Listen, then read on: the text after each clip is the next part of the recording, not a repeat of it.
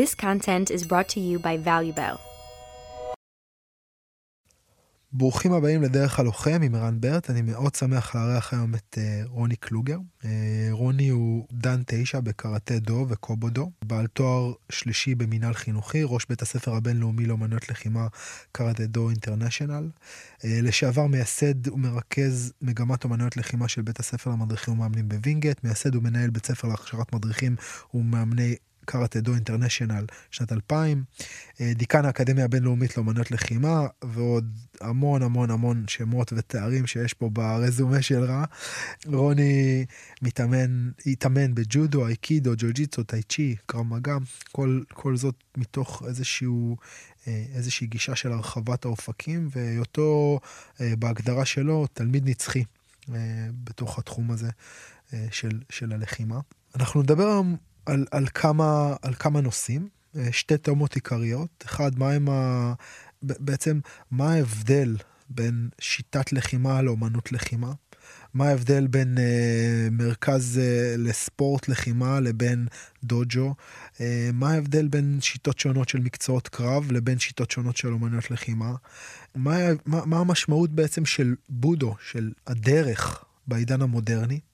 אה, איך הדרגות והתארים של שיטות שונות, מה המשמעות שלהם, ואם בכלל יש להם משמעות בעידן שלנו היום, אה, כשאפשר לקנות אה, חגורה שחורה באינטרנט בהתכתבות. איך, איך בעצם אה, מישהו הופך להיות ממתאמן למדריך, למורה, לסנסei, ומה זה בכלל סנסei? זה יהיה תמה אחת שאנחנו נעסוק בה. על, על התווך הזה ועל המרחב שבין אומנויות לחימה לשיטות לחימה, מתאמן, מורה, העומק שיש בתוך המושגים האלו. התמה השנייה תדבר בעצם אולי על היחסים הפנימיים, אם אלה, אלה היו היחסים, יחסי המסגרת, אז מה הם היחסים הפנימיים בתוך המרחב הלחימתי, בתוך האימון, יחס שבין גוף, נפש ורוח, היחס שבין הנחת היסודות והעמקה ביסודות לבין פריצת הגבולות, האם יש קשר כזה? האם אני צריך לעשות את אותו אגרוף באמת עשרת אלפים פעם כדי לפרוץ את גבולות היכולת שלי, או שזה סתם אה, איזושהי אמרת כנף, או סתם משהו שאמור אה, לחשל אותי? מי הוא בודוקה? מי הוא זה אשר הולך בדרך, בדרך הלחימה? איך, איך אני מייצר שיטת לחימה, אולי איך אני מייצר אפילו שיטת לחימה אה, פנימית, במובן של אומנות לחימה ככלי אה, שהופך להיות כלי חינוכי משמעותי כלפי העצמי, כלפי העצמי הפנימי שלי. אז אלו יהיו שתי התמות העיקריות שלנו, ונדבר אולי על אה, יצירה של מדריכים, חינוך של מדריכים, על מה המשמעות של להיות מורה או מדריך, אה, ובטח עוד דברים יצוצו לנו אה, במהלך השיחה. ככל ש... שלום רוני, טוב שאתה כאן. כיף לי להיות פה, תודה שהזמנת. בוס.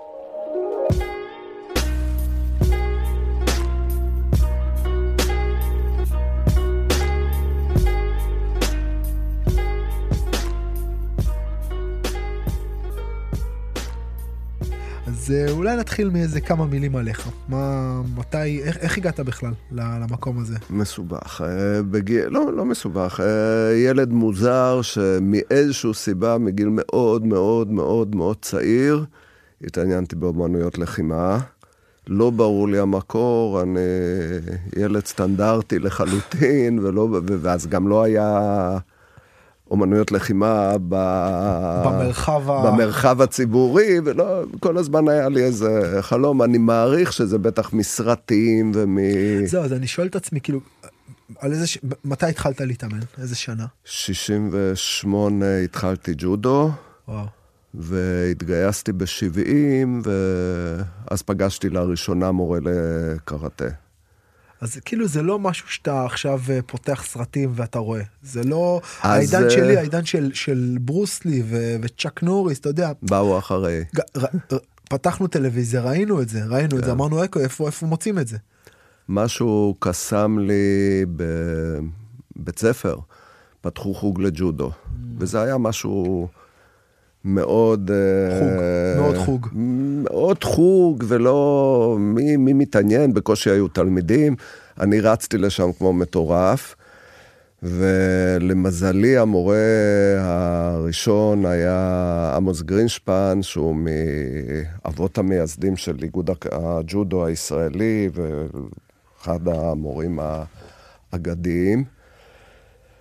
הוא היה המורה שלי בחוג הזה בתיכון, ומהר מאוד הוא שלח אותי למועדון שהוא התאמן בו בתל אביב, מועדון בלזם, שזה המועדון הג'ודו הראשון, מול קולנוע מוגרבי באיזה מרתף פצפון, גדי סקורניק לימד שם, עמוס לימד שם, אימי הסתובב שם, הוא יצר שם את הקשר עם גדי, ומשם התחלתי להתאמן רציני, ו... כעבור שנה עברתי לפתח תקווה להתאמן עם יונה מלניק, שהוא בעצם המורה המרכזי והעיקרי והמשפיע ביותר אה, מבחינת חיי הג'ודו שלי. אה, זו הייתה תקופה שיונה היה אלוף ישראל ונסע לאולימפיאדה, והייתי... הרגיל אותי להתאמן כל בוקר אימון מדריכים. וזה היה משהו לא... שכולם, כל המועדונים יש להם דבר כזה, זה טירוף של יונה, ורצנו על החוף, והייתי איתו ב... התרגלתי שהיום-יום זה אימונים. לקח אותך כאפרנטיס, כאילו כן, כשוליה, כן, ובעצם... שק אימונים, שק חבטות. ח, חיית את חיי השוליה במובן הזה של כאילו... בכיף. של להיות uh, יחד עם, ה, עם האדם הזה ש... יונה ש... היה גדול מספיק, זה לא... זה לא... יאללה, בוא ניקח ילד, אה, נכסח אותו, אה, הכניס אותי להדרכה. עכשיו לא... לחנוך אותך על כל המשמעות שלך. ממש חנך אותי להיות מדריך ולהיכנס לעניין הזה, ו- ובזמנו, בתחילת הדרך, הג'ודו היה מאוד חדש באולימפיאדה. אז עוד עשינו ג'ודו טכנית וגישתית שונה מהיום, זה לא, יש חוקה, זה מותר, זה אסור, אל תעשה את זה כי לא תצליח. עשינו ג'ודו להגנה עצמית. Mm. והשתתפתי באליפויות ישראל והכל, והגעתי אפילו לנבחרת קדטים.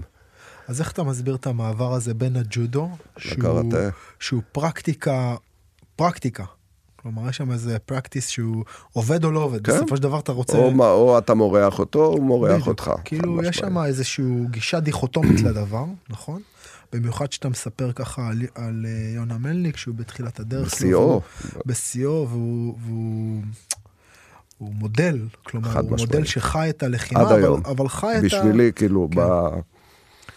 והוא חי את זה לגמרי. כן. ואז אתה איתו, ואיך אתה מסביר את המעבר הזה לקראטה? אה, שירתתי בווינגייט, ועשיתי קורס מדריכים, מדריכי קרב מגע, והייתי מדריך. והגיע לארץ, חזר לארץ אה, מאיר יהל, שזה אחד הדמויות המאוד מכובדות בעולם הקראטה, למד בצרפת, חזר לארץ, והתחיל ללמד קראטה. הוא למעשה האדם הראשון שלמד קראטה, לא היה מורה לג'ודו, מורה למשהו אחר, לא ואמר קראטה זה, החליף את השלט מהיום להיום. הבן אדם למד קראטה, זה לא שימה סנסיי. והוא פתח חוג בווינגייט פעם בשבוע בימי שלישי בערב. ואני הייתי חייל שם, אז שם מישהו אמר, יש שם קראטה, לך תראה.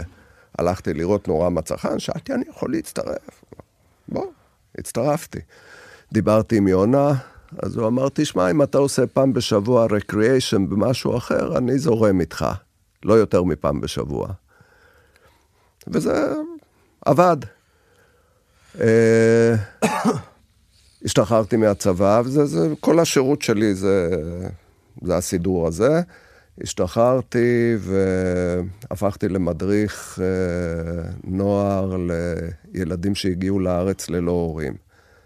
מין סוג אולפן, קליטה כזה של ילדים, אין משפחות בארץ, ומביאים אותם לפנימייה, ואני הייתי המדריך החינוכי שלהם. זאת אומרת, זה אבא, אימא, זה, זה מיליון דברים, וחבורה. זה היה פתח תקווה, והגיע לדוג'ו שלנו, של יונה, אה, עולה חדש מדרום אפריקה, יהודה פנטנוביץ', שהתחיל אה, פעם בשבוע ללמד קראטה. אז אך ורק מהעניין הזה של לנסוע לווינגייט כאזרח, או בדוג'ו שלי, וואלה, אני עושה איתו, אני ממשיך איתו פעם בשבוע. שיטות שונות, זה שוטוקאם וזה גוג'וריו. ומאוד אהבתי את זה, אבל המקצוע העיקרי זה ג'ודו, וגם הדרכתי ג'ודו, גם בתוך הדוג'ו הזה. אה, לקחתי את התלמידים שלי לטיול בקיסריה, ואנחנו הולכים ומסביר, ומה שעושים בסוג כזה של אה, מסעות, ופתאום מולי יהודה והמורה שלו מדרום אפריקה. ונעים מאוד, או איזה כבוד, המורה הגיע וזה. והתיישבנו לדבר, וזה הפך לאיזו שיחה מאוד מאוד מאוד עמוקה. נהיה חושך, הוא אמר לי, יהודה, סע הביתה, אני אגיע עם מונית, ואני אמרתי לקבוצה שלי, תעלו לאוטובוס, סעו חזרה, אני אגיע גם. וישבנו איזה שלוש-ארבע שעות. ופעם ראשונה שמעתי שיחה מעמיקה על אומנות לחימה, לא ספורט. Mm. לא אליפות ישראל, לא להיות uh, אלוף אולימפי. והייתי פגוע בברך מאחד האימונים האחרונים, ותפס אותי בשנייה ש...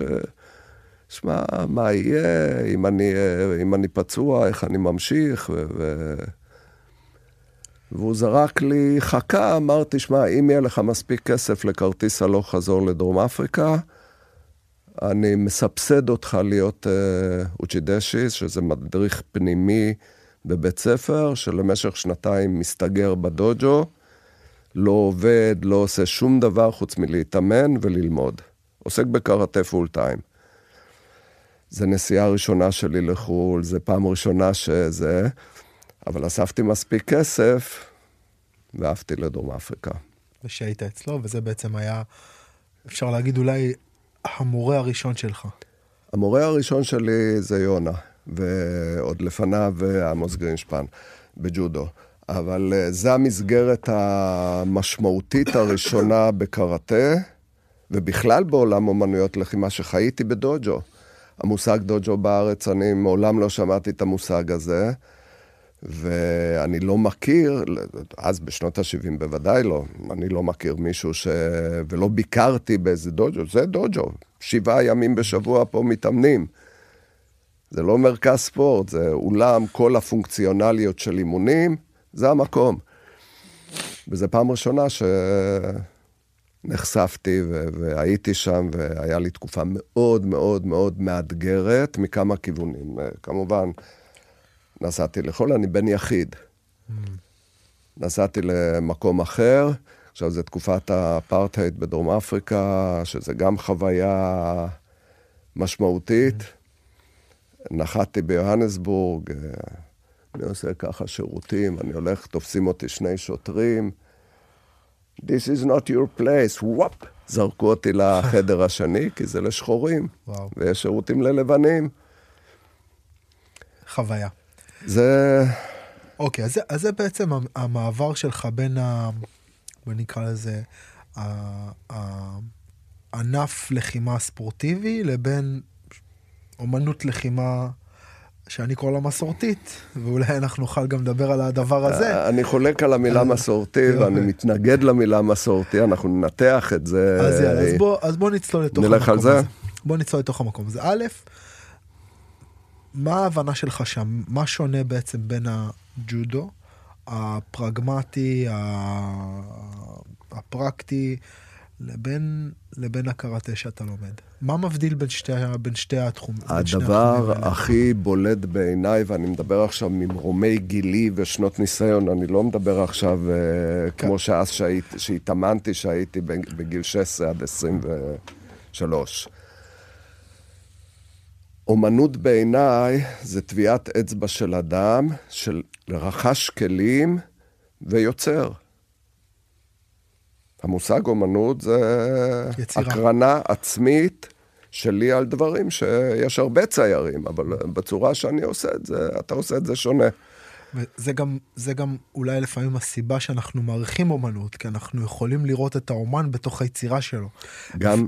ו- וזה המקום גם שמעורר בנו השראה. אם מישהו עושה משהו שהוא יוצא מגדר הרגיל ביצירה שלו, אז אתה אומר, או, אתה יודע, אפילו כאילו רמברנט, אימפרזיוניזם, כן, אתה כן, מסתכל כן. על הציור ואתה אומר, אוקיי, אני, אני מבין מה זה אומר מזג האוויר עצוב, או כן. עץ שמח. או, או צבע שמקרין אה, חושך, או צבע שמקרין אור שמח. אוקיי, אז, אז זה המקום שבו אתה לוקח את האומנות לחימה ואתה אומר, אני לא... אני לא אהיה אמיתי אם אני אגיד לך שהבנתי את כל זה ואמרתי לא ימינה, שמאלה. לא, זה איזשהו תהליך. אגב, גם הג'ודו באותם ימים, כמו שאמרתי, זה לא היה פר אקסלנס רק ספורט. זה הלך לאט לאט לכיוון הזה, זה כמה שנים אחרי האולימפיאדה הראשונה. אבל בקראטה, אני במשך עשור הראשון, בין 74 ל-84, התחרתי. עשיתי בלי סוף תחרויות בארץ, בחו"ל, המון דברים. זאת אומרת, הספורט היה בילט אין לדברים, ויותר מאוחר אה, שמתי את זה בצד מתוך רצון. זה לא המורה שלי ולא השיטה שלי. אני החלטתי, אני שם את זה, אני עברתי את זה, ממשיך הלאה. אגב, הייתי אחר כך אה, עשר שנים שופט ראשי של אה, התאחדות הקראטה, וגם את זה שמתי בתור מסור. תודה, הייתי שופט בינלאומי, תודה רבה. מנקה את השולחן מספורט, מתרכז בתורה עצמה. אה, בעיניי, אני מתייחס מאוד מאוד בכבוד וברצינות למושג אומנות לחימה, כי אומנות זה אומנות. אומנות זה אומנות. אני לא רוצה לשיר כמו מישהו אחר. Mm. יש לי את ה... את הקול הייחודי שלך. את הדברים שאני, יש לי כתב יד משלי. אני לא אחכה את הכתב יד משלך. עכשיו, אם מנתחים את המושג אה, מסורתי, למה אתה עושה את זה? כי הוא עשה את זה, ולמה אתה עושה את זה? כי גם אבא שלו עשה את זה, מה פתאום? ודרך אגב, אם חוקרים אומנות לחימה, תורות לחימה, אף אחד לא עושה מה שהמורה שלו אמר. יכול להיות שעקרונות, המעטפת של אסטרטגיה וטקטיקה וגישה ללחימה, mm. הם ממאפייני שיטה א', יש מאפיינים ש... לשיטה ב' וג' וד'. אבל אה, למה אתה עומד ככה בקראטה, יש את העמידות המאוד מאוד... אה, סכמטיות מרובעות. הכל צריך להיות בדיוק ככה. גם לזה יש משמעות. אבל זה האלף-בית. כולנו יש לנו אלף-בית, אבל לא אתה ולא אני, עדיין לא אלתרמן. לאלתרמן היה רק אלף-בית, לא היו לו אקסטרה אותיות שאני לא מכיר. דקדוק ותחביר, תופס לגביו כמו שזה תופס לגבינו, אבל הוא לקח את זה למקום אחר. או שייקספיר או מי שאתה רוצה מה... אז בעצם מה שאתה, אומר, מה שאתה אומר זה שהאומנויות ה-so called מסורתיות בעצם נותנות לך איזשהו בסיס מסוים שזה נקרא, אתה, אתה קורא לזה אותיות אם אנחנו במטאפורה למשורר או לסופר. אה, שזה יכול להיות אולי עמידה, פוזיציה או תנועות בסיסיות, אבל מה שאתה עושה עם זה ובעצם מה שאתה מייצר מתוך הדבר הזה הוא מאוד הוא אינדיבידואלי. הוא שלך ו- וזה המקום שבו היצירה או האומנות תופסת. אני רוצה זה... טיפה שנייה לחבור גם לקורסי מדריכים. להכשר... תעזוב קורסי מדריכים, הכשרת אה, צוות הוראה במקצועות שלנו. הכשרת צוות הוראה אמורה לתת את הכלים המיטביים איך להעביר מה שאתה יודע לאלה שבאים אחריך. אבל אני מצפה שתוסיף, שתרחיב, שתעמיק יותר ממה שקיבלת. Mm. וזה עובד, כי אם אנחנו חוקרים מקצועות מודרניים או מקצועות עתיקים, אם אתה בודק אה, אייקידו למשל, אה, אבי האייקידו המודרני זה הוא השיבה סנסei. הוא לא עושה מה שהוא עשה קודם, הוא עיצב אחרת את האייקידו ממה שהוא למד בג'יוג'יצו, ויצר משהו. פונקושי, אבי שיטת השוטוקן. אם אתה בודק איך שוטוקן נראה היום ומה הצילומים של פונקושי, אין שום קשר. אותו דבר באסכולה שלי, בגוג'ו. אם אתה בודק סרטים ישנים, איך זה נראה אז ואיך זה נראה היום, זה לא אותו דבר. אני טוען קודם כל ברכה ענקית שזה לא אותו דבר, mm-hmm. וזה נכון גם לגבי קרב מגע, לגבי הדברים היותר פרקטיים, ואתה צריך לשנות לגבי מה שקורה היום בחיים. אני חושב שתמיד יש אבולוציה במקום הזה, ואני חושב שהמתח הזה הוא מתח אה, אינהרנטי בתוך, תמיד, עוד פעם, כאילו, אני, אני מסמן עם אצבעות מסורתי במרכאות. כי מצד אחד יש איזה עיקרון, או יש איזושהי... אמת שמישהו ראה. מישהו שהיה גדול דור, ממציא, מייצר, יוצר, לא משנה איך תקרא לזה.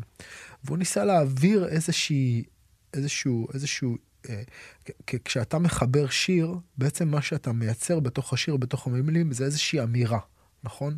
יש שם אמירה, שאתה מעביר אותה בדרך כן. שנוגעת. ו- וגם בתוך הלחימה יש איזושהי אמירה. ואז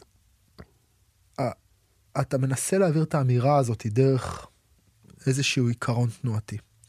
ולפעמים מה שנשאר זה רק המסגרת, ואנשים מנסים לשמור על המסגרת כאילו הם, הם, הם, הם, הם, הם מנסים לשחזר את אותה אמירה, אבל הם כבר לא משחזרים את אותה אמירה, הם כבר עושים משהו משלהם, ולפעמים מה שנשאר שם זה קליפה.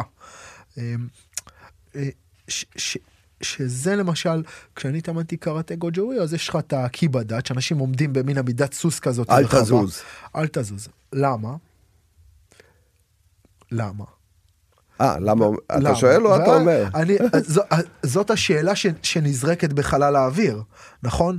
כי ברגע שאתה מסתכל על זה שנייה מהצד, אם יש לך קצת רקע לחימתי, אתה מבין שהדבר הזה אין לו קשר ללחימה, באמת. אז מתחילות כל מיני תשובות. התשובות הן, פעם לחמו על סוס, או שזאת עמידה מחזקת, נכון, או שכל מיני דברים כאלה. לי יש uh, הסבר אחר לזה. יאללה. א', ב'. Mm. יש עמידה כזו ויש עמידה כזו ויש עמידה כזו, ומשקל אחורה ומשקל קדימה, ורגל קדמית חופשית ורגל אחורית חופשית, וארוך וקצר, ויציב מאוד מהצד, חלש מאוד מחזית, חזיתי חזק מאוד, מהצדדים חלש מאוד, זה א' ב'. זה אתה רוכש כלים בסיסיים להבין מה המשמעות של... אה, יש לנו זוג ידיים, זוג הרגליים, בתקווה משהו בין האוזניים, אין כלים נוספים לאף אחד. מה אני עושה עם זה? לאן אני משכלל את הדברים עם האלף-בית שהמורים שלי יקנו לי. Mm. עכשיו, כשאני מדבר על א', ב', אז אכן יש מאפיינים לאסכולות שונות, לשיטות השונות. מאפיינים.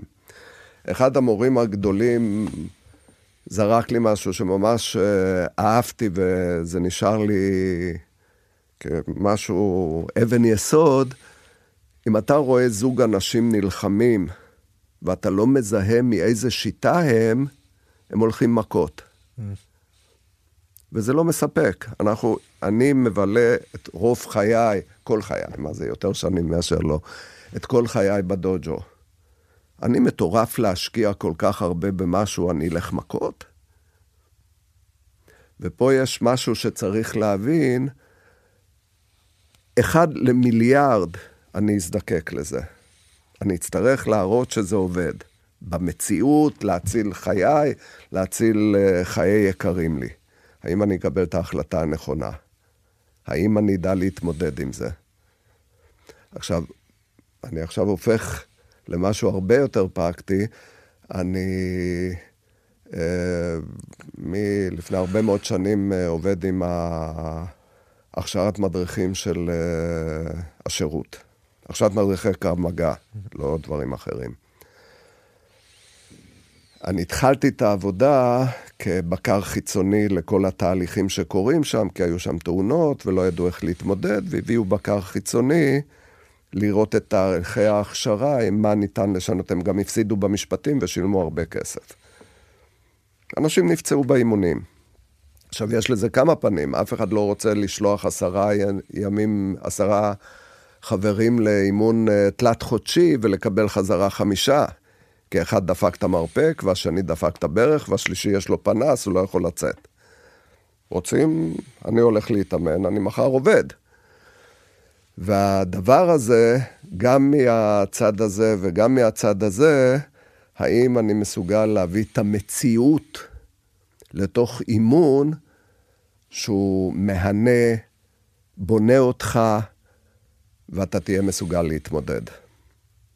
עכשיו, אני חושב שזה פאזל ענקי, שחלק ממנו מורכב מהצד הפיזי, טכני, עד כמה אני טוב ויעיל במה שאני עושה.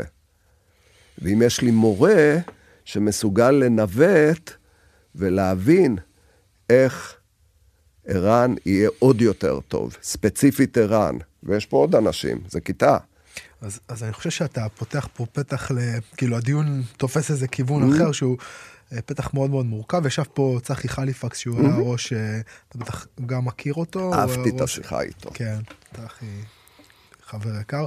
הוא מעביר איתי את הקורס אה, מדריכים אגב. ו... ואז באמת יש דברים שאתה יכול להבין כשאתה בן 40 או 50, באופן שונה ממה שאתה בן 20 או 30. כאילו, זה, זה שתי פריזמות אחרות שדרכם אתה בוחן את המציאות, ואז אה, אתה, אתה מתייחס שונה לדבר. אבל אני חוזר שנייה אולי חצי מגמה אחורה לשיחה שלנו על העמידה ועל האלף בית mm-hmm. וכולי. אז, אז בעצם בהבנה שלי בשיטות לחימה, אמ, שזה אולי לשם השיחה הולכת, ההבדל בין שיטת לחימה לאומנות לחימה. בשיטת לחימה אומרים לך, תקשיב, אני לא צריך את הקיבדאץ' על זה. אני לא צריך את העמידת סוס הזאת, כי אני לא אשתמש בה בחיים בלחימה. ואם יהיה שבריר שנייה שבה אני כן אהיה בפוזיציה הזאת, לא שווה לי להשקיע על זה את השעות של לעמוד בדבר הזה, כאילו בעמידה הזאת, שעות על גבי שעות באימונים. ו... אז ואני חושב שהדיון הזה על עמידה הוא דיון שמייצג אולי איזושהי אמת שחבויה בהבדל שבין אומנות לחימה לשיטת לחימה. אז בוא ת, ת, אני, תסביר לי. אני מרגיש שהעמידה והצורה המאוד מאוד מסוגננת של אגרופים או הגנות מאוד מאוד, יש לזה פורמט, זה ללמוד א'-ב'. ללמוד איך לנוע. עכשיו, כמובן, יש מאחורי זה המון ניסיון, וזה א' ב', קודם כל, גם בבית ספר שמלמדים א' ב', המורה מציירת ויש מש, מושג שנקרא קריאת, אה, כתיבת תמה. תכתוב שתי שורות של האות א', בצורה הזו, קודם את זה, אחר כך את זה, אחר יש לזה שלבים וקדימה. זה נותן לי כלים לא לעמוד קיבדאצ'י או לא קיבדאצ'י. זה נותן לי כלים חופשיים איך להתמודד בזוויות שונות ובדינמיקה. עמידה קצרה, יש לזה משמעויות פרקטיות, לא תיאורטיות. אז אני חושב, אני, אני, אני אקשה עליך קצת. בכיף. אם מה שאתה אומר היה אה, נכון, אז כל שיטות הלחימה, בוא נקרא לזה קרב מגע, self defense, Brazilian Jiu Jitsu, whatever, היו עושים את הדברים האלה ומעמיקים בהם, אבל הם לא מעמיקים, כי יש גבול למה שהדבר הזה יכול לספק ברמה הפרקטית. לטעמי הדבר הזה מספק משהו אחר. כאילו, כעמידה מסוגננת, אם אתה אומר, אני כותב כתיבת תמה, שתי שורות, שזה פחות או יותר מה שנותנים לך כן.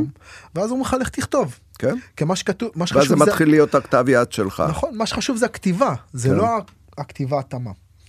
הכתיבה התאמה מלמדת אותך משהו אחר, לפי דעתי, שזה גם מה שאתה מוצא אולי באומנויות לחימה. עוד פעם, אני קורא לזה המסורתיות, אבל האומנויות לחימה המסורתיות לטעמי, הן אומנויות לחימה שבהן הקשר בין הגוף, הנפש והרוח, הקשר הזה, הקו הליניארי הזה, או mm-hmm. הקו הדו צדדי הזה, הוא קו שמודגש. לעומת בשיטות לחימה שהקו הזה לא מודגש. אם כבר באמנות לחימה פרקטיות, בשיטות לחימה, מודגש הקשר שבין הגוף לבין האיכויות המנטליות של הלוחם. חד משמעית. יותר מזה, כל מקצועות הלחימה הקלאסיות, העתיקות, בעולמנו, אם אין בהם ערך לאדם היומיומי, השגרתי, הבנאלי שמסתובב ועובד ומגדל משפחה ומתמודד עם כל צרות של אדם סביר ורגיל בעולמנו, אם אימון באומנות לחימה לא נותן לזה חיזוק, אתה הולך מכות. עכשיו, אין לי, או, אין או... לי, אין לי, כאילו, זה לא אלה הטובים ואלה הרעים. קרב מגע הוא נפלא, כי כהגדרתו, אומר לאדם הממוצע, נותן כלים פשוטים, הוא לא צריך להיות אתלט, הוא ידע להגן על עצמו. אני מקבל את זה, זה כלי מדהים, אבל זה לא אומנות לחימה, זה כלי להגן על עצמך, מאוד חשוב, מאוד יעיל, אבל אין בזה את הפרקטיקה. כשאני מדבר על, אה, אוקיי, בוא נקום ונעשה עבודה חופשית קצת. אתה בשלך, אני בשלי. אין לי מושג מה אתה יכול לעשות, כמו שלך אין מושג מה אני יכול לעשות, ואנחנו מתחילים לזוז ו... לנהל דיאלוג. נגיע, בדיוק, פיזי. ומשהו יצא מזה. אני טוען שזה זה זהה ומשליך ישירות איך תנהל משא ומתן. Mm. איך תקבע ללמוד את זה או ללמוד את זה, והאם מה שלמדתי ישרת אותי כל חיי, או בחרתי לא טוב ואני צריך... Uh, מכירים חברים שלומדים 20 שנה באוניברסיטה ועוד לא התחילו לעבוד. זה לא מקרים בודדים. הסטטיסטיקה, מי מסיים תואר בספרות אנגלית וכמה מהם עוד עשר שנים עוסקים בתחום, אחוז מאוד מאוד מזערי. עכשיו, אני טוען, אם אתה, והכל תלוי לא בשיטה, תלוי במורה. Mm. אם המורה מסוגל לתחזק אותך ולראות את הפרט בקבוצה ולתת לך את הכלים לחיות חיים יותר שלמים עבורך, לא עבורי. לא תסתכל עליי, תחיה ככה, לא. אם אני מסוגל לתת את זה, אנחנו זורמים בדוג'ו לאורך זמן, ויש משמעות לזמן הזה.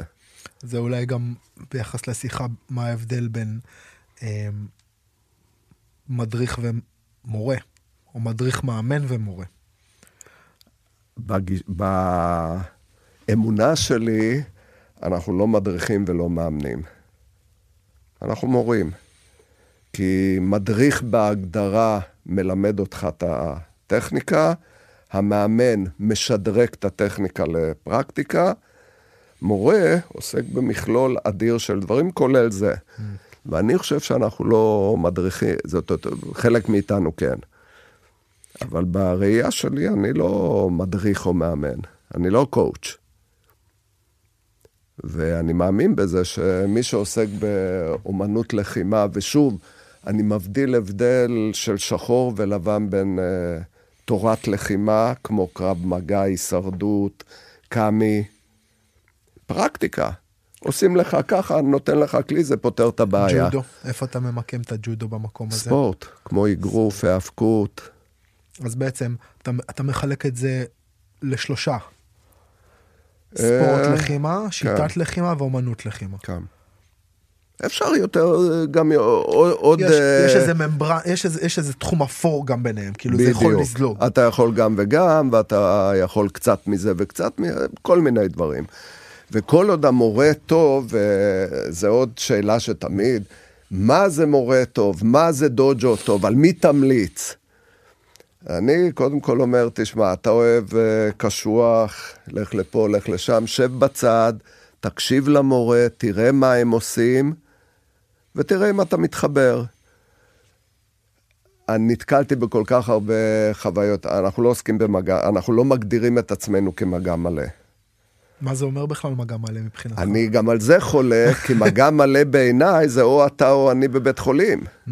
אין תוצאה אחרת. עכשיו, אם זה לא קורה ועשינו מגע מלא ובסוף אומרים תודה רבה, הולכים להתלבש ולשתות בירה, אם עשית כל מה שאתה יכול ולא קרה לשנינו שום דבר, מה קורה פה? אני חושב אולי, עוד פעם, אולי במקום המילה הזה... המילה בעייתית. כן, אולי, אולי במקום הזה, כש, כשאתה אומר מגע מלא, אמ, אז, אז בעצם אתה, אתה מתייחס לסוג מסוים של מוזיקה באוזן. עכשיו, זה שזה סוג מסוים של מוזיקה, זה לא אומר שאתה יכול להגביר או להנמיך את הווליום. כלומר, אין לי בעיה שתעשה מגע מלא בעצימות נמוכה. ואז זה מייצר תוצאה מסוימת. לעומת, בוא תעלה לקרב זירה ותעשה מגע מלא ב... או לך ותפגוש מישהו בשטח, כן. ועכשיו נתקלת מבצעית ואתה עכשיו בסיטואציה מסוימת. גם שם, ככל שלוחם יותר מקצוען, אני מצפה שיהיו לו יותר כלים לנהל את הסיטואציה ולייצר פתרונות, מספר פתרונות אפשריים, אבל זה קשור לרמת מקצועיות אה, ורמת ניהול מנטלי של לוחם. כן. אוקיי, אבל זה, אז, אז, אז אוקיי, אז, אז אתה מגדיר את עצמך שאתם לא עושים מגע מלא. אני מגדיר, אני גם, אני... ואתה אתה יודע להסביר גם למה. בכל הקורסים אנחנו מדברים על זה, כי יש לי תמיד חבר'ה מקיוקושים ומכל מיני, מגע מלא, אנחנו עד הסוף. אז אני שואל אותו, יש אמבולנס ליד המועדון וצ'יק צ'יק צ'יק אל המיון, הלוך חזור? מה פתאום? מה? אוי ואבוי, לא, אנחנו לא... אמרתי, תשמע, אם אתה נותן לי כל מה שיש לך, ובסוף אני אומר, תודה רבה, נתראה מחר, משהו פה לא עובד. או המינוח מגע מלא לא נכון, אתם אומרים מגע מלא וזה לא מגע מלא, זה מה שאני אני חושב שזו התשובה. כן. או יש בעיה טכנית, כי אם אתה עשית כל מה שאתה יכול, ואני עדיין פה, לא קרה לי כלום. או כואב לי קצת, אבל זה לא עצר אותי. יש בעיה. יש בעיה. אני טוען, אם אתה פוגע, הקרב הזה צריך באיזושהי צורה להתקרב לסיומו. אם אתה פוגע, אם לא פגעת, אז תמצא איך לפגוע, אבל אם אתה מבין את המושג מיקוד ועבודה מדויקת, אם פגעת, בן אדם... אני חושב שגם פה בעצם אנחנו עושים איזשהו מהלך של סובלימציה, של בעצם אה, אה, אה, השטחה או תרבות של חלקים מסוימים בתוך האומנות שלנו, כי באמת, אם, אם, אני מסתכל שנייה על אגרוף. אוקיי, אתה לא יכול להגיד שאגרוף זה לא מגע, אתה יודע, גם על אגרוף אפשר להגיד שזה לא מגע מלא, כי לא, לא זה. מגע מלא. אבל, אבל בוא נגיד אגרוף תאילנדי. ומה שהם עושים זה מגע מלא. אגרוף גם- אגרוף. תאילנדי, גם, אוקיי. מגע מלא. כן. על כל שלל הזה. אה, היה פה אגב אורח, אה, אה, דני נצר, הוא ראש אה, תחום קרב מגע שלו. בזה, שיחה מאוד מעניינת, הוא עושה, יש לו קבוצה קטנה של אגרוף תאילנדי, קבוצה מעולה. שם הם שמים מגני אשכים, והם הם מותר בעיטות לאשכים כן. גם. הוא עושה את זה פול. אוקיי, אז זה מגע מלא. אבל בתוך המגע מלא הזה לא כל קרב הוא לחיים ולמוות. אז, אז כאילו כן יש שם איזשהו מערך של סובלימציה שמאפשר לך להיות עם, אבל גם להצליח להיות בלי. כלומר, שזה זה לטעמי גם סוג מסוים של אומנות בהדרכה. כן. נכון? חד משמעית. להעביר את חד התהליך, משמעית. להעביר את החיילים, את החבר'ה שלך תהליך מסוים, שגורם להם להרגיש כאילו הם באוקיינוס, אבל למעשה הם פה בבריכה כן, כן. ליד הבית. כן. אוקיי, אז... אז מסכים עם זה מאה אחוז. אה, אני גם מאמין גדול, אה, תמיד, אה, השיטה שלך או שלא יותר טובה? מי יותר טוב? זה שטות ממדרגה ראשונה בעיניי. קודם כל, ה... מזכיר לי היום המון המון דיונים שיש במיוחד ברשת, כאילו כן. פעם זה היה פנים אל פנים, כן, היית נפגש עם מישהו פנים כן. אל פנים ואומר אוקיי אז בוא תראה לי את השיטה שלך, היום זה, בפורום. כאילו בדיונים. מדברים. ולמה אנשים צריכים את זה בעצם? למי יש יותר גדול? כן. אני חושב שזה ילדותיות, זה לא מראה בגרות, אה, זה כאילו, מה יותר טוב, צרפתית או אנגלית? איזה מין שאלה זו? תהיה... אבל אומנות לחימה בעצם השורשים שלה הם שורשים פרקטיים. כן, כשמגיע עכשיו מישהו מג'ו-ג'יצו כן, ברזילאי מסכים. ואומר לך אני יותר טוב ממך יותר טוב מהקראטה שלך בעצם מה שהוא אומר זה אם היום אני אפגש איתך אני אנצח אותך. ב- בתנאים מסוימים. אני טוען, ואנחנו גם עובדים על זה, אגב, בדוג'ו שלי אנחנו עושים המון המון uh, התנסויות כאלה.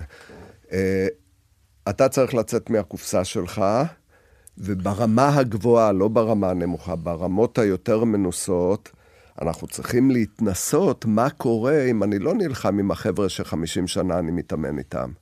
מה קורה אם בא מישהו שאני לא בדיוק יודע מאיפה הוא, ולעשות איתו עבודה.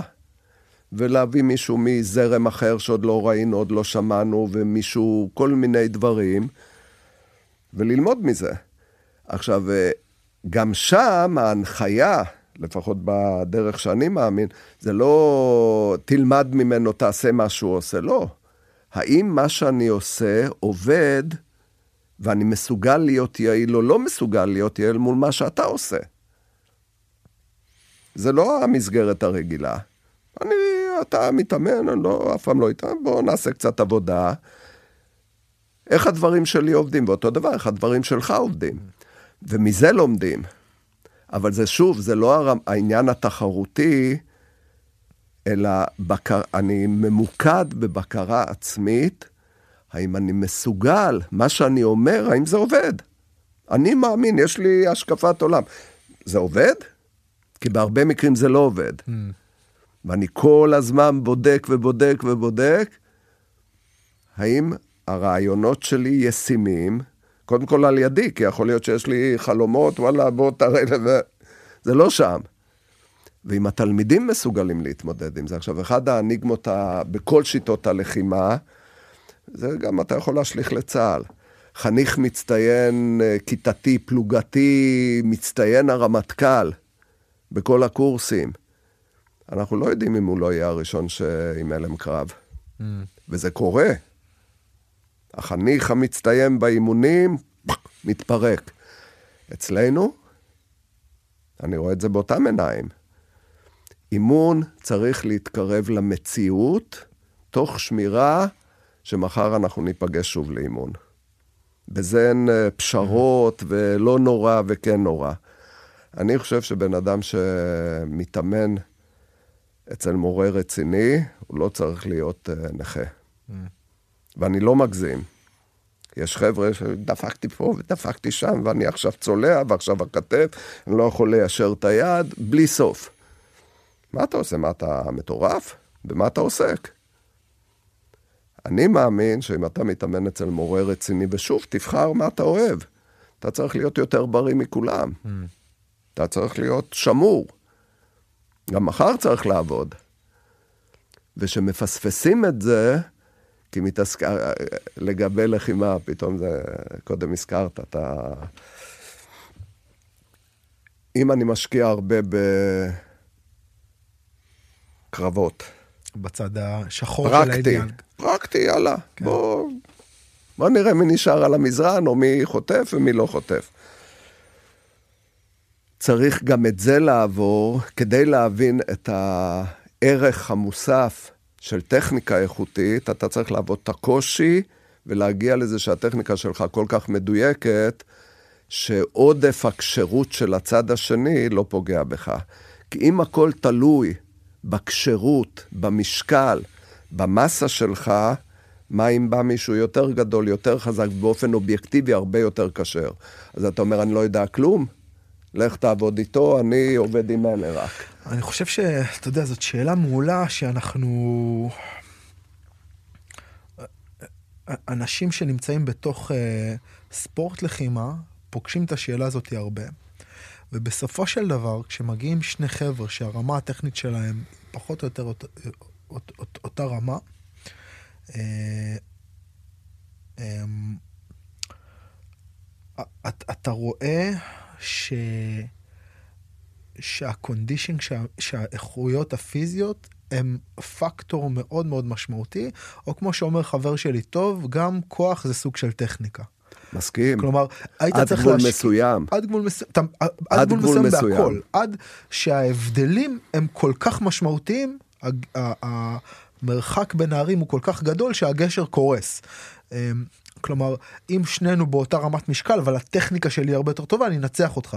אם הטכניקה שלנו היא אותה טכניקה, אבל אתה הרבה יותר גדול, אתה תנצח אותי. זה... אני חושב שבחיי יום-יום, העולם החיצוני, מי שיותר חזק מנצח מי שחלש יותר. בראייה, במלוא מובן המילה.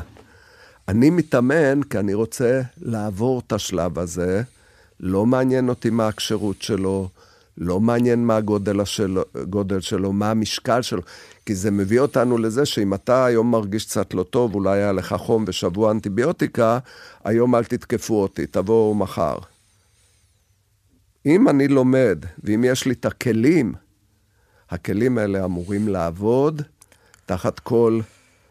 Uh, תחת כל קונדישן. Uh, אני, אני, אני אולי, אתה יודע מה, אני, אני לא בטוח שאני מסכים עם האמירה הזאת. ואני, ואני אני אגיד איך אני רואה את זה. כשדיברנו מקודם על הקיבה דאצ'י ועל העמידה, אז אני חושב שהעמידות מהסוג הזה, או בעצם כל העבודה הזאת, היא, כן, כלומר, היא גם לתת לי איזשהו סוג של מידע על מה קורה כשאני עומד ככה או ככה, אבל למעשה... conditioning. לא, למעשה היא אמורה לתת לי מידע על עצמי. למעשה הסוג הזה של העמידות, היא אמורה לאפשר לי לפגוש את עצמי. אוקיי. היא, ראי. אני חושב שהמזרון הוא ראי, והעמידה הזאתי היא ראי, או יותר מזה, היא זכוכית מגדלת, שמאפשרת לי לפגוש את עצמי אה, ברגעים הקשים שלי, ברגעים הלא נוחים שלי, ברגעים המורכבים שלי, בשעמום שלי, בתסכול שלי. בעצם היא אמורה לאפשר לי לפגוש את עצמי בתוך החיים, במיקרוקוסמוס של, של, של, של המרחב הלחימתי, של הדוג'ו, של המקום שבו אני פוג... לומד את הדרך. לומד את הדרך, נכון? והדרך היא אני. כן. ואני הדרך. ואז שאלת הניצחון, או בעצם ייצור התנאים, אה, אה, כאילו, אני כמשפך של הטכניקה הוא פחות משמעותי. אני צריך לייצר את התנאים הפנימיים שבהם הדבר קורה. ואז אם אני מרגיש לא טוב, ייתכן שלא תמיד הדבר הנכון הוא להוציא את הטכניקה, נכון? ייתכן שלא תמיד הדבר הנכון הוא לייצר מפגש של לחימה. ייתכן גם שאני לא אנצח תמיד. יש אמירה, זה גם בקרב מגע אומרים את זה.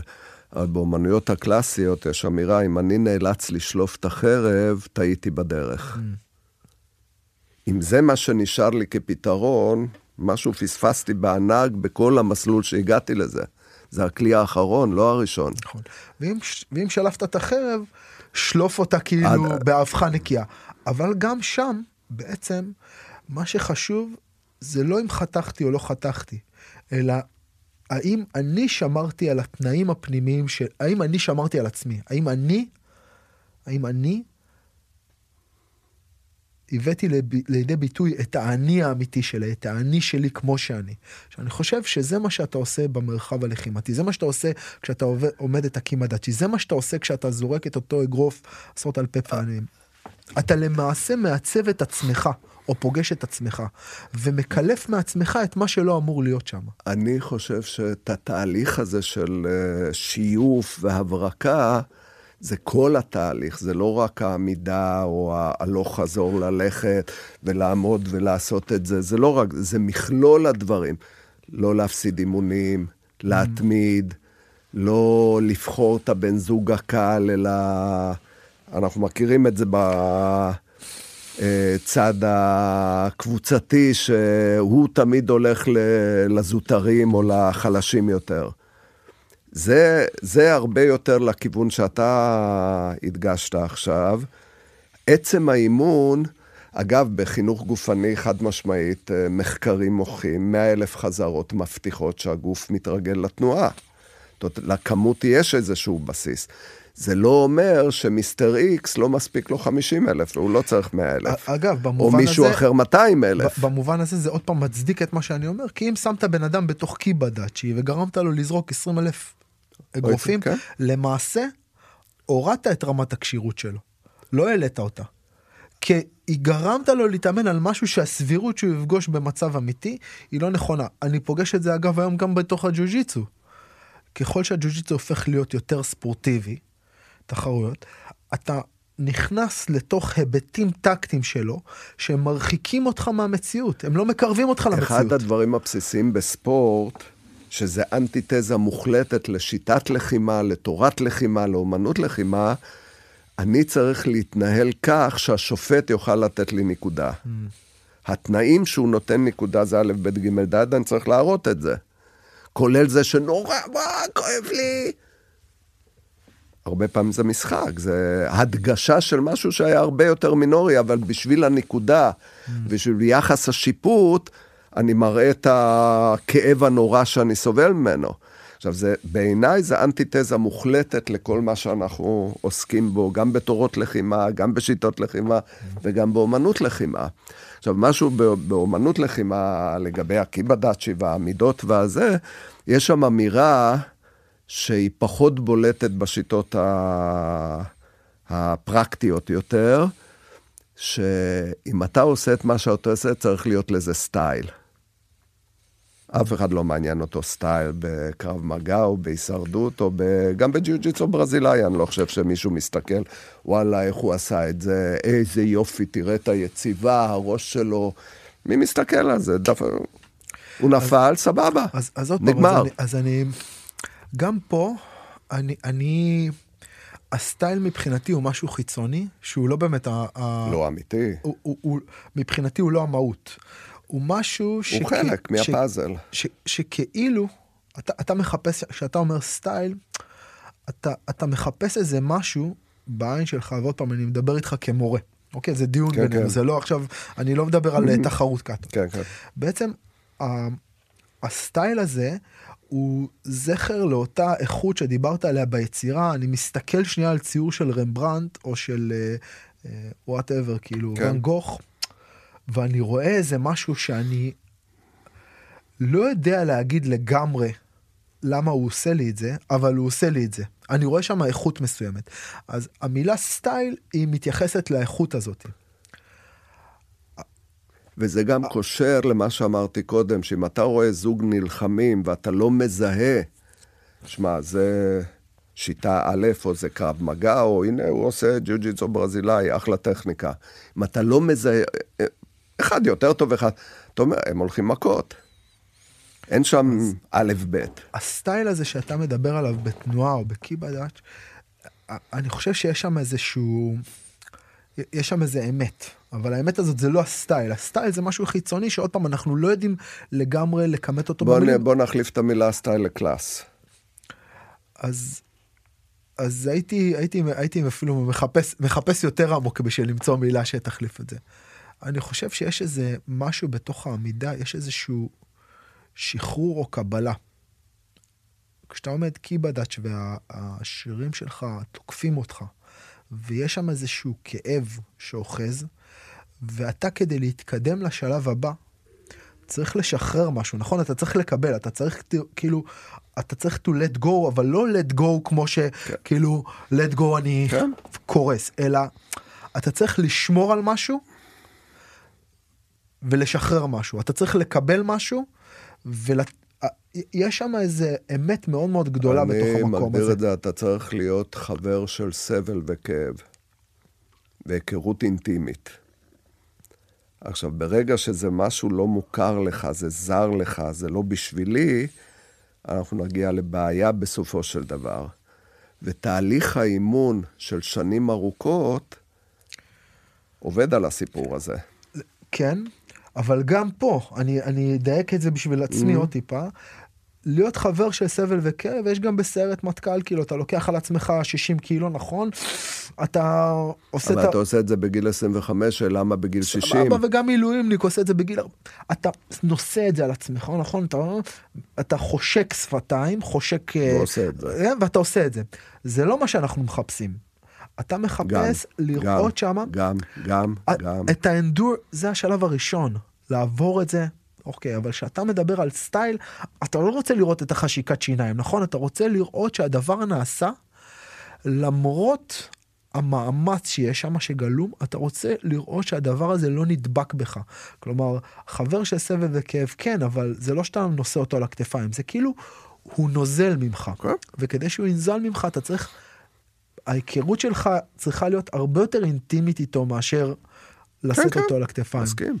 אז, אז כשאני, כשאתה מדבר על קלאס, כאילו, על, על להיות כאילו מהיר ולעצור, יש שם איזה אמת אה, יותר עמוקה מבחינתי.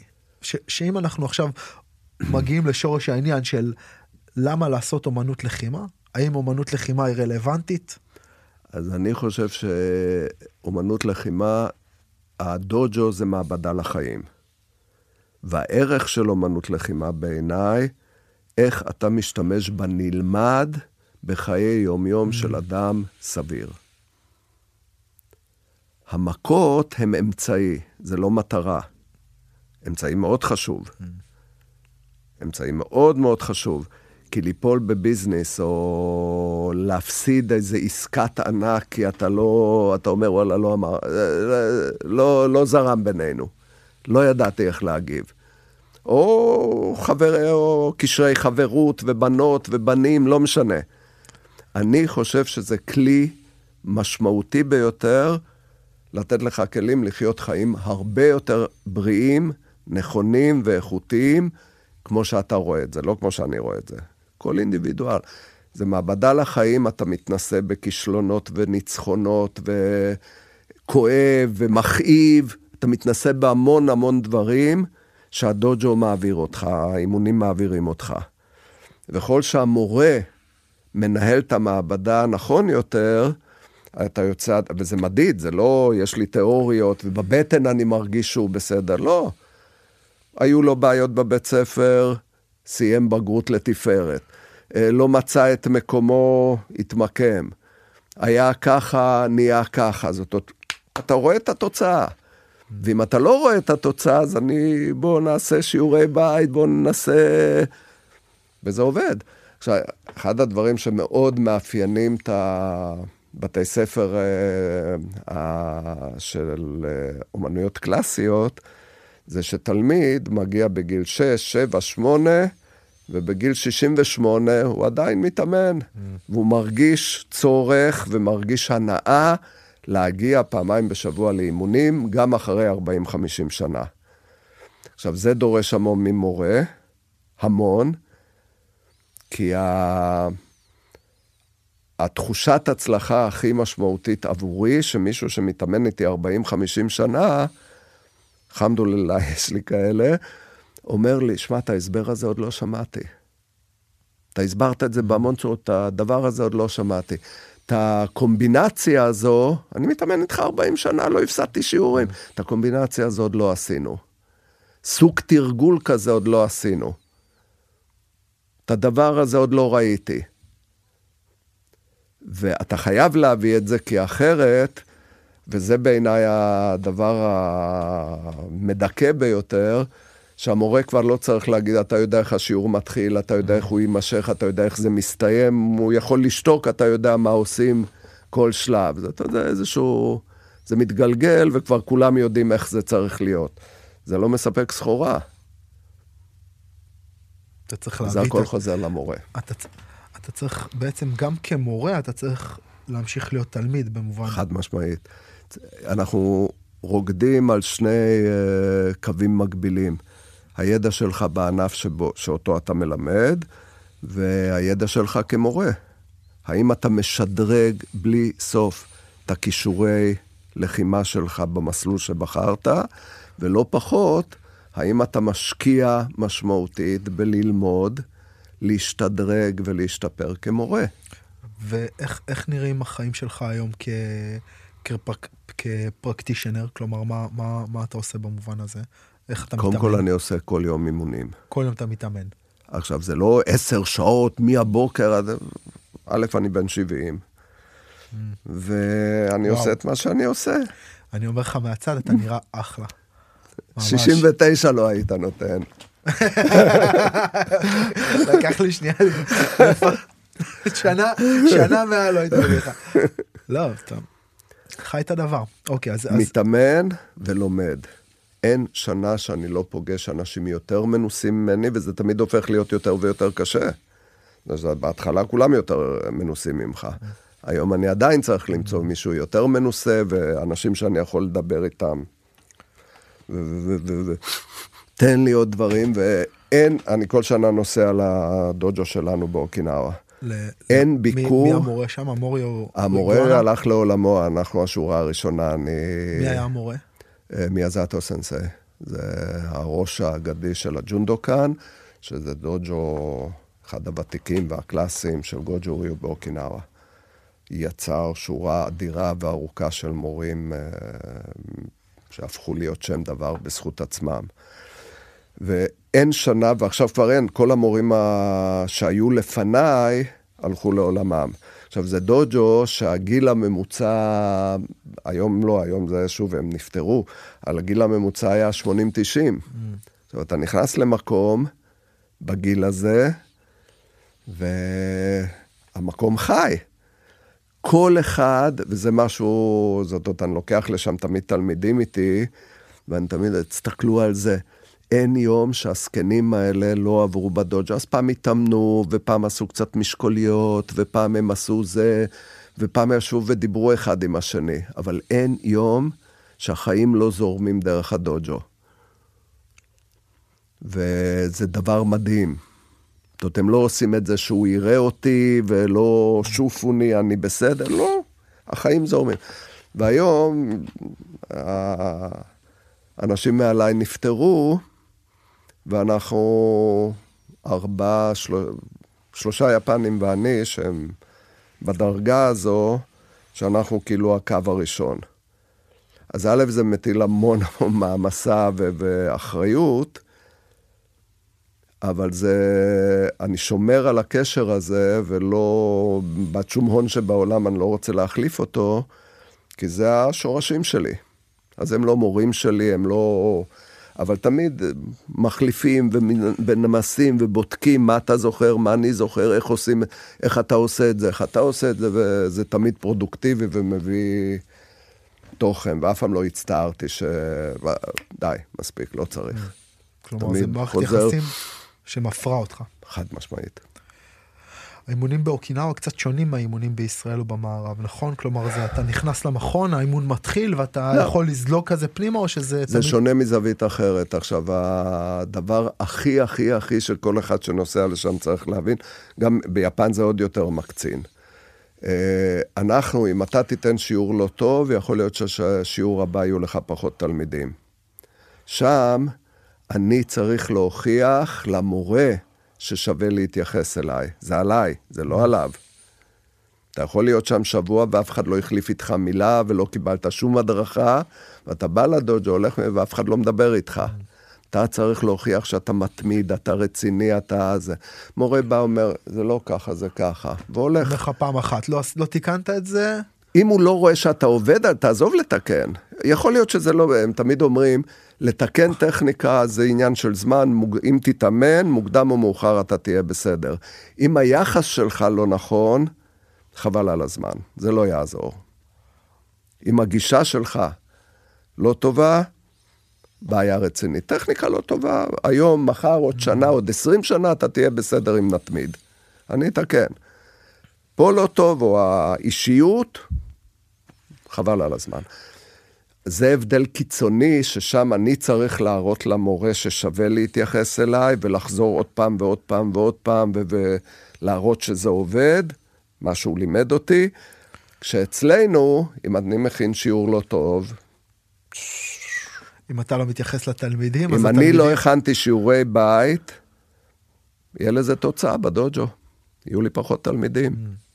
איך אתה מכין את המדריכים שמגיעים אליך להבדל הזה. כלומר, פה בעצם אתה כמורה צריך כאילו לקושש את התלמידים שלך, ואתה צריך לטפח אותם ולדאוג להם וטה טה טה טה טה טה טה. אז קודם כל אני מאוד מתחבר למה שאמרת בתחילת השיחה, שמי שיחפש את משה ילך למשה mm. ומי ש... אני חושב שלא לא הקלטנו את זה, זה היה בשיחה שלנו 아, אה, לפני, לא נכון? אבל uh, אני מאוד מתחבר לזה. אני אומר ש... אין שיטות לא טובות, כל השיטות נפלאות, תלוי למי. אתה אוהב את זה, אתה אוהב את זה, בבקשה. אתה אוהב את זה, גם יש. זאת אתה צריך הייתי, לחפש... הייתי גם, על זה, הייתי גם על זה שם איזשהו כוכבי, אתה יודע? Mm-hmm. כאילו, כי אני נתקל בדברים אמ, שמבחינתי, אה, אה, נגיד, כמו שאמרת, מועדון שמגיעים אליו ויוצאים לך מעל אחוז מסוים של אנשים שנפצעים. זה אומר ש... ש... בעיה רצינית שמשהו שם כן? לא טוב. משהו לא עובד משהו שם, לא מקצועית עובד. לא טוב. משהו, כן, כן, לא טוב. אה, ועוד פעם, יש לך שיט, שיטות שכדי לעסוק בשיטה הזאת, אתה צריך להיות מורה. בוודאי. כאילו, האיכויות הטכניות שלך כמורה צריכות להיות יותר גבוהות. כלומר, תעשה טייצ'י, רוב הסיכויים שגם אם אתה מורה לא טוב, חבר'ה שלך לא ייפצעו.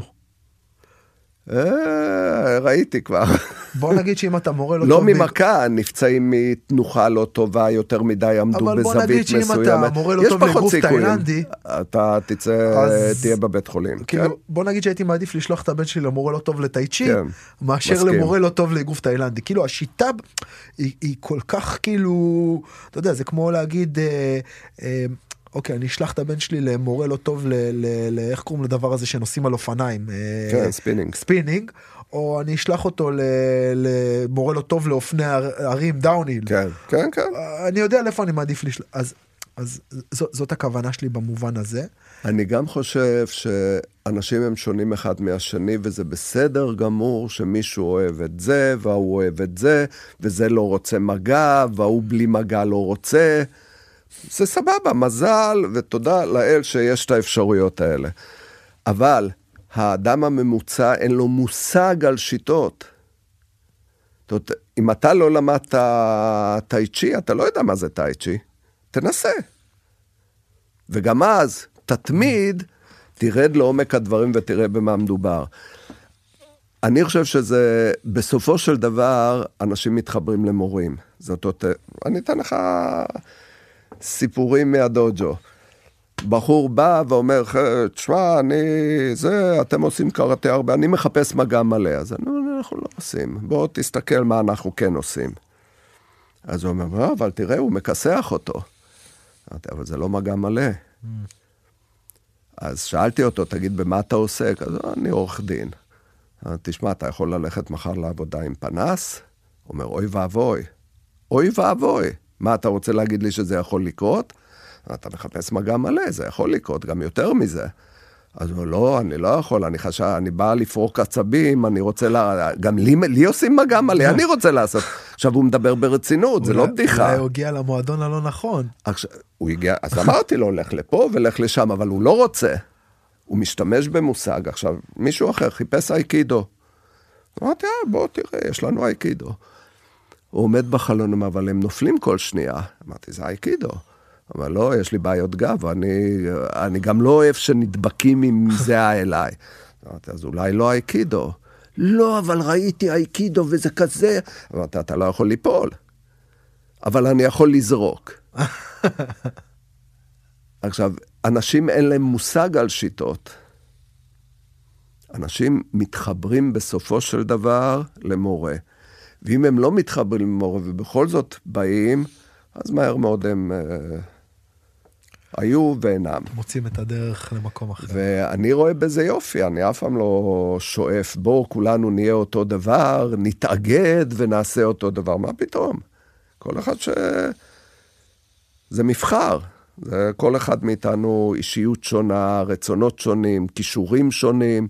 תמצא מה הכי מדבר אליך. מי זה הדבר שיגידו, איזה כיף, אני מחכה לשיעור הבא, לא רוצה להפסיד שיעורים. יש, יש בקראטה איזושהי סוג של פרקטיקה פנימית, כלומר של עבודה פנימית, של איזשהו אספקט מדיטטיבי? אה, אני חושב שכל אימון, אה, לא רק בקראטה, אבל שוב, זה איך המורה מכוון את זה. אני רואה בכל אימון מדיטציה בתנועה. מדיטציה זה התבוננות פנימית. זה פירוש המושג. לעשות קאטה, לעשות יסוד, לעשות רנדורי, לעשות קרב תרגול. זה מדיטציה לכל דבר, אם אתה מסוגל לנתק את עצמך מהעולם החיצוני. אז על מה אתה מתבונן? פנימה. איך אני עומד, איך אני עושה, איך אני מתמודד עם המטלה, איך אני מבצע את המטלה, מה התוצאה? ציפיתי לאלף, האם זה... יש לי א', אולי כן, אולי לא. המיקוד בתוצר שאתה מייצר. ואל תסתכל מה מימינך, מה משמאלך, תסתכל פנימה. עכשיו, זה תהליכים חינוכיים, לא של יום אחד, אבל אם זה האווירה במערכת, אם אתה מצליח לייצר את זה, זה עובד. זה מצליח. אדם צריך לבוא לדוג'ו ולא לצאת, אוף, עוד פעם, אה, קר היום, אין לי כוח להת, להתלבש. לא, אני לא רוצה להפסיד, זה מרתק, זה נוגע לי, אני לא רוצה להפסיד אימון. זה צריך להיות רוב הזמן, כדי שכשיהיה לך את היום הזה שלא בא לך, אתה תצליח להכיל את היום הזה בתוך ה... זה צריך להיות uh, דבר מאוד נדיר. כל אחד צריך את היום הזה, את הימים האלה. אבל זה לא יכול להיות, אתה, אתה מכיר את זה, אתה עוסק בתחום. היום לא, כי אימא שלי ואחותי, והיה קר מדי, וירד גשם, והאוטו, כל פעם יש סיבות טובות. ומי אלה שמתמידים? אה, רוני, נראה לי שככה לא, לא הסתכלנו על, ה, על הרשימות שלנו, אבל כן. איכשהו, איכשהו הכל נכנס שם. אה, אני חושב שנשאיר את הצופים עם טעם, את השומעים שלנו, את המאזינים עם טעם של עוד. אה, היה לי מאוד כיף לדבר איתך, אני מודה לך שהגעת והתארחת. כיף גדול. תודה.